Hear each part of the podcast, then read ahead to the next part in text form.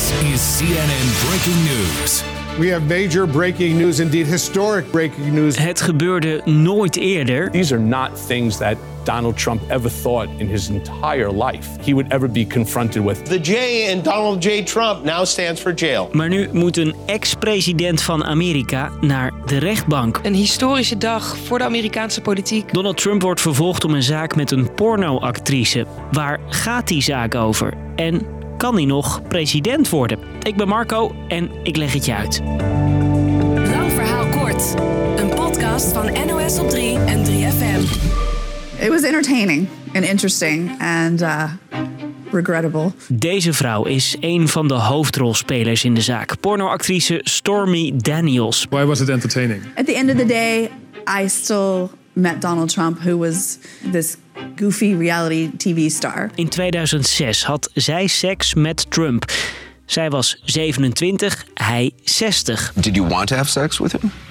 No, but I didn't. I didn't say no. I'm not a victim. I'm not. It was entirely consensual. Oh yes. In die tijd is Melania Trump, de vrouw van Donald, net bevallen. Tien jaar later wordt Daniels een flinke stapel geld aangeboden. Als ze haar mond houdt over de affaire. 130.000 dollar. Was it hush money to stay silent? Yes. We zijn dan in 2016. Trump zit vol in campagnestand. And we are going to make our country great again. En zou gedoe over een affaire er niet bij kunnen hebben. Daniels zegt dat ze het geld alleen maar kon aannemen, want ze werd bedreigd. They can make your life hell in many different ways. En waar het hier om draait is waar dat geld vandaan kwam. Het werd niet van de privérekening van Trump geplukt, maar werd eerst betaald door de advocaat van Trump. En toen hij eenmaal president was, betaalde hij het terug en werd het weggeboekt als juridische onkosten. Did you know about the payments? Uh, later on, I knew. Later on, and they weren't taken out of campaign finance. Dit hele verhaal zorgt al jaren voor heel veel grappen op de Amerikaanse tv. I know you don't believe in climate change, but a storm's a coming, baby. En nu zeggen aanklagers bewijs te hebben. Je hoort correspondent Simone Tukker. Het betalen van zwijgeld, ja, dat is op zichzelf niet strafbaar hier. Maar het gaat dus op de manier waarom dat, waarop dat is aangepakt. En ja, op deze manier zou er dus fraude zijn gepleegd. Trump zelf die ontkent overigens alles. Ook de affaire. This is an ABC News special report. Indeed historic breaking news right This now. historic indictment of a former president. While this is a highly unusual historic situation. Iedere Amerikaanse tv-zender heeft het nu over dat historische moment. A sentence I never thought I'd say. For the first time in the history of this country, an American president. That's right. Trump is the first U.S. president to be indicted. The first former president to face criminal charges. Want nog nooit was er een strafzaak tegen een Amerikaanse president.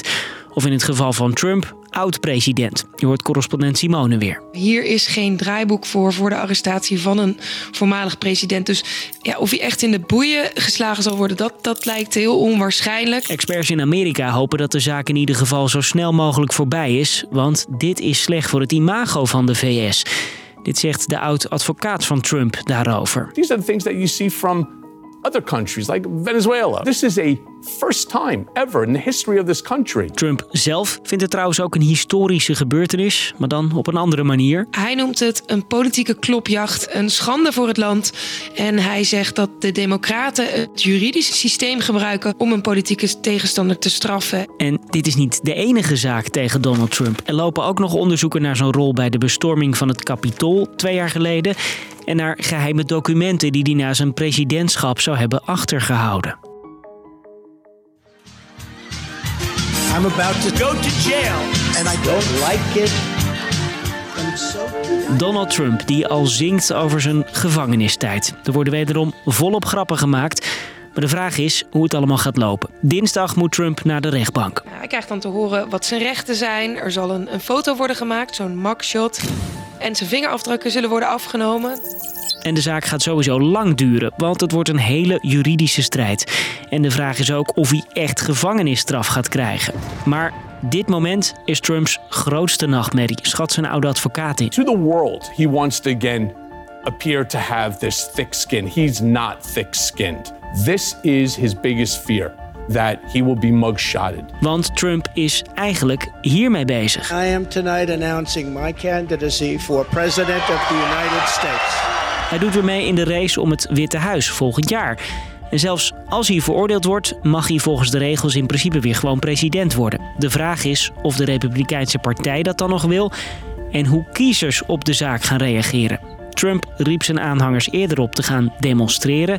En in peilingen krijgt de oud-president de laatste weken juist steeds meer steun van kiezers. Do you really think that they're going to take President Trump out of the running for president? No, I don't believe that for a second. No, I'm, I'm going to vote for President Trump. Dus, lang verhaal kort. Trumps boekhoudwerk brengt hem voor de rechter. Hij wordt aangeklaagd voor fraude. Voor het eerst in de geschiedenis wordt een president vervolgd en niemand weet eigenlijk hoe dat gaat. Laat staan dat iemand nu weet wat hiervan de gevolgen gaan zijn. Het is dus afwachten. Look at this guy. Huh? Wat? Stop it. Oh, oké. Nou, uh, we houden al op. Oké. Okay. Thanks voor het luisteren weer. 3FM. Podcast. Altijd alles achter de schermen willen kijken? Wij geven je een backstage bandje met de 3FM podcast De Machine. Je hoort van mij en van Niels alles over festivals, streamingdiensten en briljante nieuwe muziekideeën. Luister De Machine via de 3FM app of jouw favoriete podcastplatform.